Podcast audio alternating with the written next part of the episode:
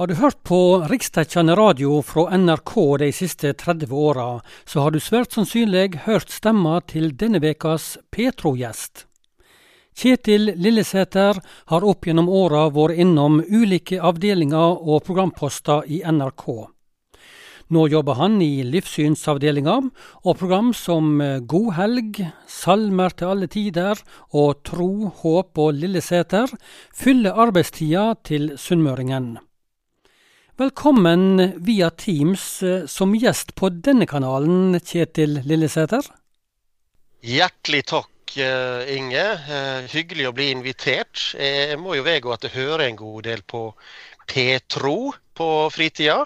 Jeg syns dere lager mye god, god radio. Nesten sånn at det skulle vært en riksdekkende radiokanal, dette her. Ja, men det var hyggelig å høre. Det tar vi jo med oss fra en skikkelig radioveteran i NRK, altså. Men eh, vi skal gå litt tilbake i tid. Vi snakka om trua og om livet i disse programmene her. Og nå går vi ja. rett tilbake til dine barneår på Sunnmøre, Kjetil Lillesæter. Hva forresten, hva bygd vokste du opp i? Jeg vokste opp på Åse, en eh, drabantby i eh, Ålesund eh, kommune. Uh, og før det, de aller første barneåra mine hadde bak uh, fjellet, som vi sier her i byen, altså i sorenskriver Bulls gate. Jeg var en av de nærmeste naboene til barndomshjemmet til radioveteran Hartvig Kiran, så han fikk jeg høre om veldig tidlig i livet. Du, Hvis jeg sier Spjelkavik bedehus, hva tenker du på da? Ja, da tenker jeg på eh, omsorg, eh, på hjertevarme og raushet. Jeg ble med eh, på Spjelkavik bedehus i 9. klasse. Først i den kristne ungdomsklubben om fredagskveldene, og, deretter i ungdomskoret Sanktus. Vi brukte å øve på tirsdagene.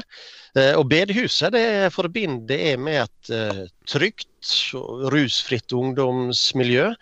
Eh, vi hadde det mye gøy sammen, eh, rett og slett. Eh, spesielt på sein kveldstid og, og nattestid etter at vi var ferdig med korøvinger eller ungdomsklubb. Hvis du nå i dag skulle si noe om betydningen av dette bedehusmiljøet i Spjelkavik for deg i denne perioden i barne- og ungdomsåra dine, hva vil du da si? Ja, Da vil jeg trekke fram noen av de kristne ungdomslederne spesielt. Arne Lindekleiv, Rolf Kjøde, Jon Teigen og Svein Folde. De, de, var ikke så mange år eldre enn meg, men de var nå voksne og hadde gifta seg. og eh, Jeg var nok på denne tida en eh, usikker og, og, og søkende tenåring, men disse karene tok eh, meg på alvor og viste meg tillit og ansvar. Blant annet så fikk jeg lede flere møter på den kristne ungdomsklubben på fredagskveldene. Ehm, eh, møter med andakt, sang og leker. Og det er klart at for en tenåring som meg, så var det her eh, viktig. Jeg merka at dette kan jeg, dette fikser jeg, når jeg fikk lede slike ungdomsmøter. Og jeg følte at jeg vokste med oppgaven og eh, ble tryggere i meg sjøl. Så bedehuset i Spjelkavika det har betydd mye for meg. Og, og Derfor reagerer jeg også sterkt når eh, bedehusfolk eh, kritiseres for å være mørkemenn. Eh, det finnes personer som gjør feil og tabber der også. Men vi er mange som har mye å takke bedehuset for når det gjelder ungdomstida vår. Når det gjelder dette med å få vokse opp i et trygt og rusfritt miljø. Du nevnte for meg før intervjuet at du hadde ei barnetru fra du var liten, der en, en, en Jesus som en snill type som, som passer på oss. Var det sånn utover ungdomstida òg, eller endra trua di seg på noe vis i de åra der? Ja, hvis vi tenker på tenåra, så uh, tok jeg nok med meg denne trygge barnetroa inn i inn i denne delen av ungdommen. Eh, Gud, han var virkelig. Eh, Gud var en sannhet, ei kjærlig kraft som passer på oss. En ikke stilte spørsmålstegn ved eller tviler på. Kjetil Lillesæter er Petro-gjest i dag. Han er kjent fra NRK gjennom mange år, NRK sine radiosendinger, der han nå jobber i livssynsavdelinga. Du, I ungdomstida, i 14-15-årsalderen, så fatta du interessa for journalistikken, eh, Kjetil Lillesæter. Eh, hvordan kom den? Ja, Mye av interessen min for eh, journalistikk, for det å skrive, det våkna også hos meg på Spjelkavik eh, bedehus. For i den kristne ungdomsklubben der så laga vi ei internavis. Uh, og jeg fikk prøve meg på å skrive artikler og ta bilder. Og, jeg husker ennå denne følelsen av å se sitt eget navn på trykk av Kjetil Lillesæter. Det var stort å se navnet sitt på trykk på den måten. Men hva var det med journalistikken som tiltalte deg, vil du si? Det å skrive, det, det å sette ord ned på papiret, det, det ga meg en uh, indre sjelefred i ei, til dels vanskelig tenåringstid. Så det var ikke journalistikken som sådan som tiltalte meg så veldig på den tida. Men denne gode, rolige følelsen, det ga meg å skrive. Og så merka jeg at det var kjekt å intervjue folk. Jeg oppdaga at jeg var nysgjerrig på livet til andre mennesker og glad i folk. Du var òg redaktør for ei eh, kristen ungdomsavis eh, som heter Budbringeren eh, litt seinere, som skapte eh, ja. litt bruduljer. Ja, på videregående skole så starta jeg ei tverrkirkelig ungdomsavis eh, sammen med ei venninne. Denne avisa kalte vi for Budbringeren. Den ble etter hvert solgt i et opplag på 1000 eksemplar fra Rovde på Søre Sunnmøre og um, helt opp til Molde. Og avisa kom ut uh, hver sjette uke. Uh, dette her var ordentlige saker. Avisa kom ut i tabloidformat og med skikkelig avisskrift og, gode bilder. Og når vi laga Budbringen, så fikk vi låne lokalet i uh, bedehuskjelleren i Spjelkavika. Men, um, men etter hvert så ble det litt bråk rundt enkelte avisutgivelser, så vi um, så vi flytta redaksjonen vår eh, over til fritidsklubben i Spjelkavika. Du, Hva var det som skjedde, hva var det som skapte bruduljene? Vi skrev om sånne ting som kunne være følsomme i kristne miljø på 80-tallet. Om dans kunne føre til sex, og om det var synd for en kristen å onanere, eh, f.eks. Og dette her falt jo enkelte kristne voksenledere tungt for brystet. Ehm, jeg har blitt fortalt at på en pinsevennkonferanse ehm, i Molde, en konferanse for Møre og Romsdal, så sto det en kar på talerstolen og vifta med avisa Budbringeren og sa Se hva ungdommene våre lærer om når de leser i Budbringeren. Ehm, og Resultatet av denne pinsevennkonferansen det var at eh, jeg ikke lenger fikk eh, selge avisa budbringeren hos eh, pinsevennene i Ålesund eh, f.eks. Men eh, jeg skulle fortsatt få komme på møte. Eh, nå var det bare et fåtall artikler som tok opp kontroversielle eh, tema. Men eh, jeg lærte tidlig mye om ordets makt og, og hvordan man bør forvalte det.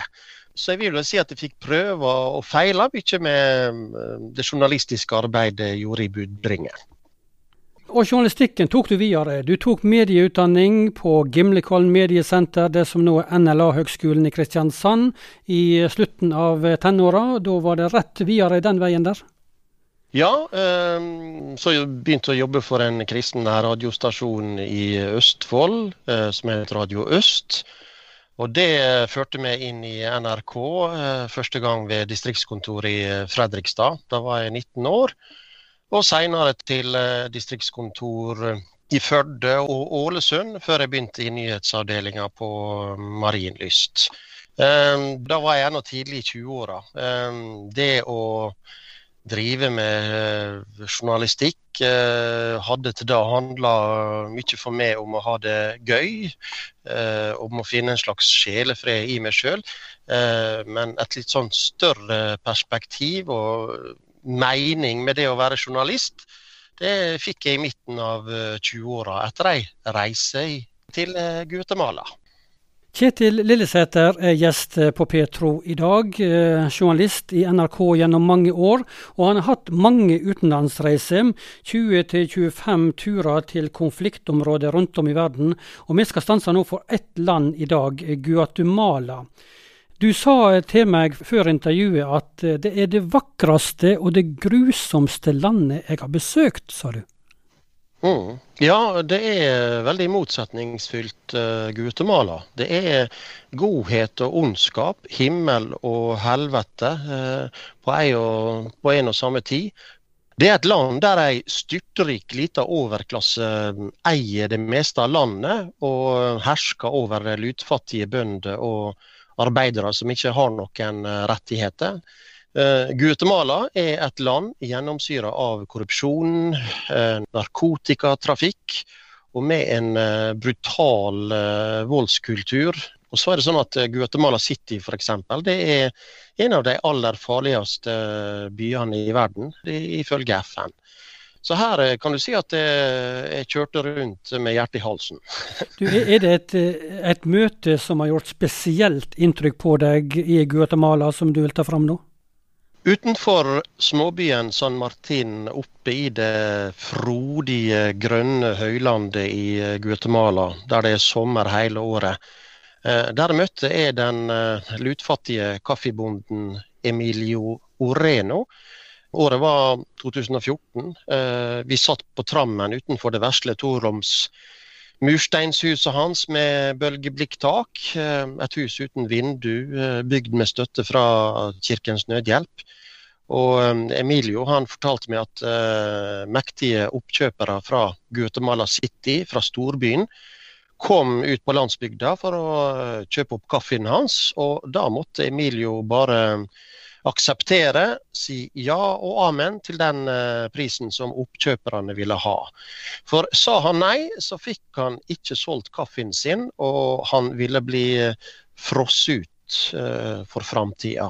Og jeg skal love deg at disse oppkjøperne ikke betaler mer enn de absolutt må. Og dermed var Emilio lenka til fattigdom hele livet. Urettferdighet kan en si, men urettferdighet kan være faktisk enda mer brutal i Guatemala? Ja, ja eh, under borgerkrigen eh, på 90-tallet, da jeg var der på eh, første gang, så opplevde Emilio at broren hans ble skutt og drept inne i sitt eget hus. Deretter måtte sønnen til broren spa opp ei grav for faren.